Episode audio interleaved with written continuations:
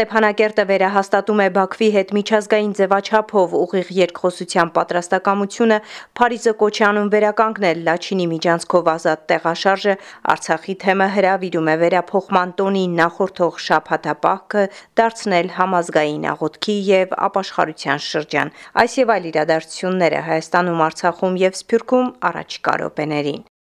Հայաստանում Ֆրանսիայի դեսպան Օլիվիե Դրոկոտինին կոչ է արել բացել Լաչինի միջանցքը, Ֆրանսիան կոչ է անում վերականգնել Լաչինի միջանցքով ապրանքների, մարդկանց եւ բեռների ազատ տեղաշարժը երկու ուղություններով եւ ապահովել բնակչության, գազի եւ էլեկտրաէներգիայի շարունակական մատակարարումը, ասել է դիվանագետը։ Սեպտեմբերին ռուս դիվանագետներն արդեն Սյունիքում կլինեն հյուպատոսության բացման համար, հայտարարել է Ռուսաստանի արտգործնախարարության ԱՊՀ երկրների 4-րդ վարչության տնօրեն Դենիս Գոնչարը նշելով, որ ակտիվորեն պատրաստվում են Սյունիքի մարզի Կապան քաղաքում Ռուսաստանի գլխավոր հյուպատոսության բացմանը։ Այս նախաձեռնությունը հավանության է արժանացել երկու երկրների առաջնորդների կողմից մայիսի 25-ին Մոսկվայում կայացած հանդիպման ժամանակ։ Արցախի տեղեկատվական շտաբից հայտնում են, որ Ադրբեջանի սահմանապահ ուժերը Արցախի քաղաքացու են ձերբակալել ըստ նախնական տեղեկությունների մոլորվելու հետևանքով քաղաքացին ընկել է ադրբեջանական վերահսկողության տակ։ Արցախի իշխանությունները տեղեկացրել են ռուսական խաղաղապահ զորակազմին։ Ադրբեջանը շարունակում է պնդել, որ Լեռնային Ղարաբաղ չկա, չնայած այդ երկրի նախագահը ստորագրել է Երակողմ հայտարարության ներքո վարչապետ Նիկոլ Փաշինյանն ասել է Euronews հեռուստաընկերությանը տված հարցազրույցում։ Լեռնային Ղարաբաղում կա շփման գիծ եւ Լեռնային Ղարաբաղը ունի տարածք, որը սահմանված է Երակոմ հայտարարության 7-րդ կետով։ Լեռնային Ղարաբաղում հումանիտար ճգնաժամ է, ընդգծել է վարչապետը, նշելով, որ Լեռնային Ղարաբաղ ընդհանրապես սնունդ չի մատակարարվում։ Ադրբեջանը պնդում է, որ Աղդամի ճանապարհը հասանելի է, այս հարցին ի պատասխան Փաշինյանն ասել է. Ես խոսում եմ այն փաստաթղթի մասին, որը ես ստորագրել եմ եւ որը ունի միջազգային փաստաթղթի կարգավիճակ։ Այնտեղ շատ հստակ գրված է, որ Լաչինի միջանցքը, որը գտնվում է ռուս խաղապահների վերահսկողության ներքո եւ որը ոչ թե զուտ ճանապարհ է, այլ 5 կիլոմետր լայնությամբ տարածություն պետք է դուրս լինի Ադրբեջանի վերահսկողությունից եւ որը պետք է ապահովի կապը Լեռնային Ղարաբաղի եւ Հայաստանի միջև։ Հայաստանի կառավարությունը որոշում է կայացրել եւ ճանապարհին է օգնությունը 400 տոննա հումանիտար բեռ ուղարկել Լեռնային Ղարաբաղ, հիշեցրել է վարչապետը։ Հումանիտար բեռը Սյունիքում կանգնած է, սակայն Ադրբեջանը չի թույլատրում այն մուտք գործի Լեռնային Ղարաբաղ։ Չէինք հաշվարկել, որ Թուրքիայի զինուժը կարող է հայտնվել Արցախյան թատերաբեմից 25 կիլոմետր հեռավորության վրա։ Կալանքի մեջ գտնվող Պաշտպանության նախկին նախարար Դավիթ Տոնոյանն է հայտարարել ազգային ժողովում, նա դատարանի որոշմամբ մի քանի ժամ անցկացրել է խորհրդարանում 44-օրյա պատերազմի հետևանքներն ուսումնասիրող քննիչ հանձնաժողովի աշխատանքներին մասնակցելու համար։ Մենք պարտավոր էինք եւ վարչապետին եւ անվտանգության խորհրդին ներկայացնելու մեր մոտեցումը։ Հիմնական պատճառը այն էր, որ կար երրորդ կողմի ներգրավվածությունը, որը մեր համար տեսանելի էր։ Կարծում եմ հասկանում եք, որ Թուրքիան է Այդ ներգրավումը իրականացվում էր ոչ թե Նախիջևանյան ուղությամբ, ոչ թե Հայաստանի Հանրապետության սահմանի ուղությամբ, այլ այսպես ասած ձիուքայլով Արցախյան թատերաբեմում։ Մեր կողմից թերի եղե մենք չենք հաշվարկի այդպիսի բան։ Տոնոյանը ուշադրություն է հրավիրել, որ թուրքական օթուժը միացված էր ՆԱՏՕ-ի համակարգին եւ նրա մասնակցությունը պատերազմին եղել է անմիջական։ 58000-ից ավելի ստորագրություն է հավաքել հայակվե նախաձեռնությունը։ Կազմակերպիչներն ամփոփել են նախաձեռնության առաջին փուլը, որը նպատակ ունի օրենսդրության փոփոխություններ ներկայացնել խորհրդարան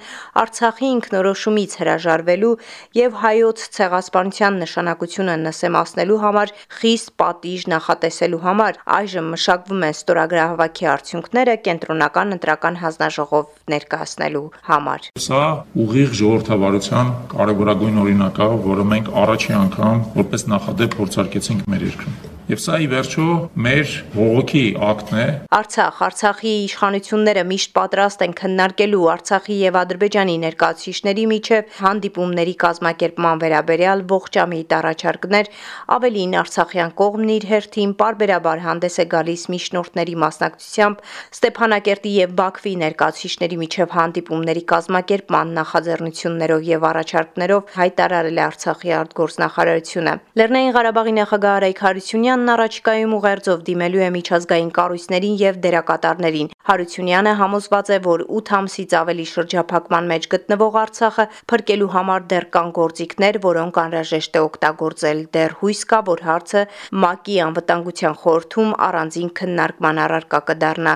2003-2012 թվականներին միջազգային քրեական դատարանի գլխավոր դատախազ Լուիս Մորենո Օկամպոն պատասխանել է օրեր առաջ Արցախի նախագահ Արայք Հարությունյանի նամակին իրավունքի դոկտորից Հարությունյանը փորձագիտական կարծիք էր խնդրել Արցախի նկատմամբ Ադրբեջանի գործողությունների առնչությամբ։ Հիմա արդեն ունենք նախնական եզրակացություն, որ սա ցեղասպանություն է։ Մանավանդ առողջապահության բնագավառում մենք ունենք դեղորայքի լուրջ պակաս, արդեն դեղատները մենք ունենք կյանքը փրկող դեղատեսակների սողություն։ Եթե երկու շաբաթ առաջ Հարեյ Խարությունյանը Արցախը հայտարարել էր աղետի գոտի, ապա անցած օրերի ընթացքում իրավիճակը փոխվել է, նա պնդում է Ադրբեջանը Արցախը վերածել է համակենտրոնացման ճամբարի, որտեղ իրականացնում է ցեղասպանություն։ Հարությունյանը նկատել է parberabar շփումներ են ունենում Հայաստանի իշխանությունների հետ։ Ես ուզում եմ հորդորել Հայաստանի իշխանություններին զերծ մնալ այն քայլերից, հայտարարություններից, որը կարող է կասկածի տակ դնել Արցախի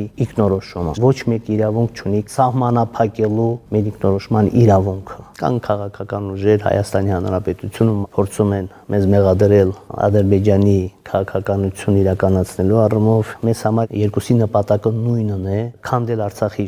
իշխանությունները, քանդել այն ինստիտուտները, որը կա Արցախում, եւ ամբողջայությունից համախմբան ակնկալիք է արտահայտել համոզված է որ նյութական օգնությունից բացի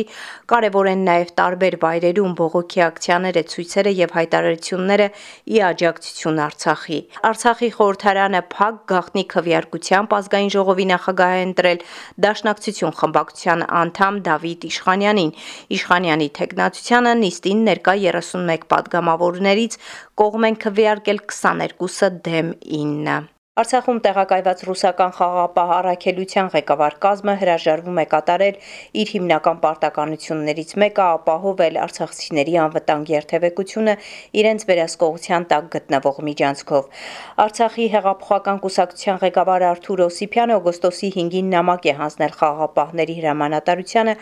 ակնկալելով պատասխան արդյոք ռուս խաղապահները պատրաստ են ապահովել առաջիկայում արցախցիների կողմից նախատեսվող դեպի Հակարի կամուրջ ավտոերթի անվտանգությունը։ Մենք պետք է արդեն մտածենք հարցերը ոնց ենք դնում եւ այս դեպքում արդեն միջազգային խաղապահներ ներգրավելը ավելի հավանական է դառնում եւ այդ խնդիրը ավելի լուծելի է դառնում, եթե մենք հենց ռուսներից ենք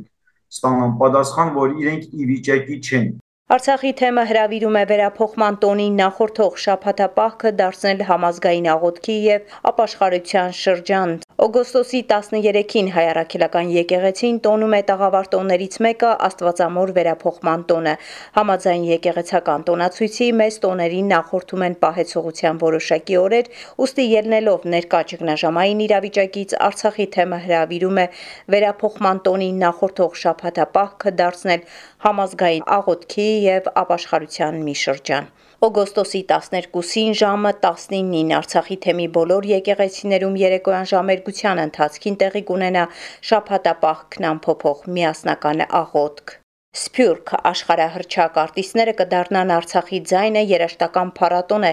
ի պաշտպանություն Արցախի Երկհան կատարող Լիլիթ Բլեյանի նախաձեռնած Արցախի խաղաղություն փառատոնը աշխարհասփյուր հայ կատարողների երաժիշտների շուրթերով աշխարհին կպատմի Արցախի շրջափակման հումանիտար աղետի ու արցախցիների կյանքի ու մահվան պայքարի մասին։ Ես մտածեցի, որ այդ արտիստների ձայնը Արցախի շուրջ ավելի բարձր լսելի դարձնելով մենք կարող ենք նաև հենց իրենց այդ սպეციფიկ լսարանը ակտիվացնել։ Արցախի խաղաղության փառատոնին է միացել նաև կոմպոզիտոր Տիգրան Մասուրյանը, նա կոչով դիմել է ոչ միայն փառատոնին միացած արտիստերին,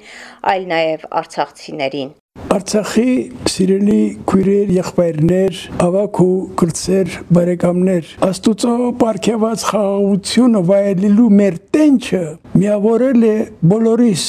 Փառատոնն առաջին հերթին տեղեկատվական արշավ է, նպատակն է, որ աշխարհը իմանա, թե ինչ է կատարվում 120 հազար հայ մարդու կյանքում իրենց պապական հողի վրա։ Այսքանը անցաչափաթը Հայաստանում, Արցախում եւ Սփյուռքում SBS-ի համար ամփոփեց Գիտա Էլբեկյանը։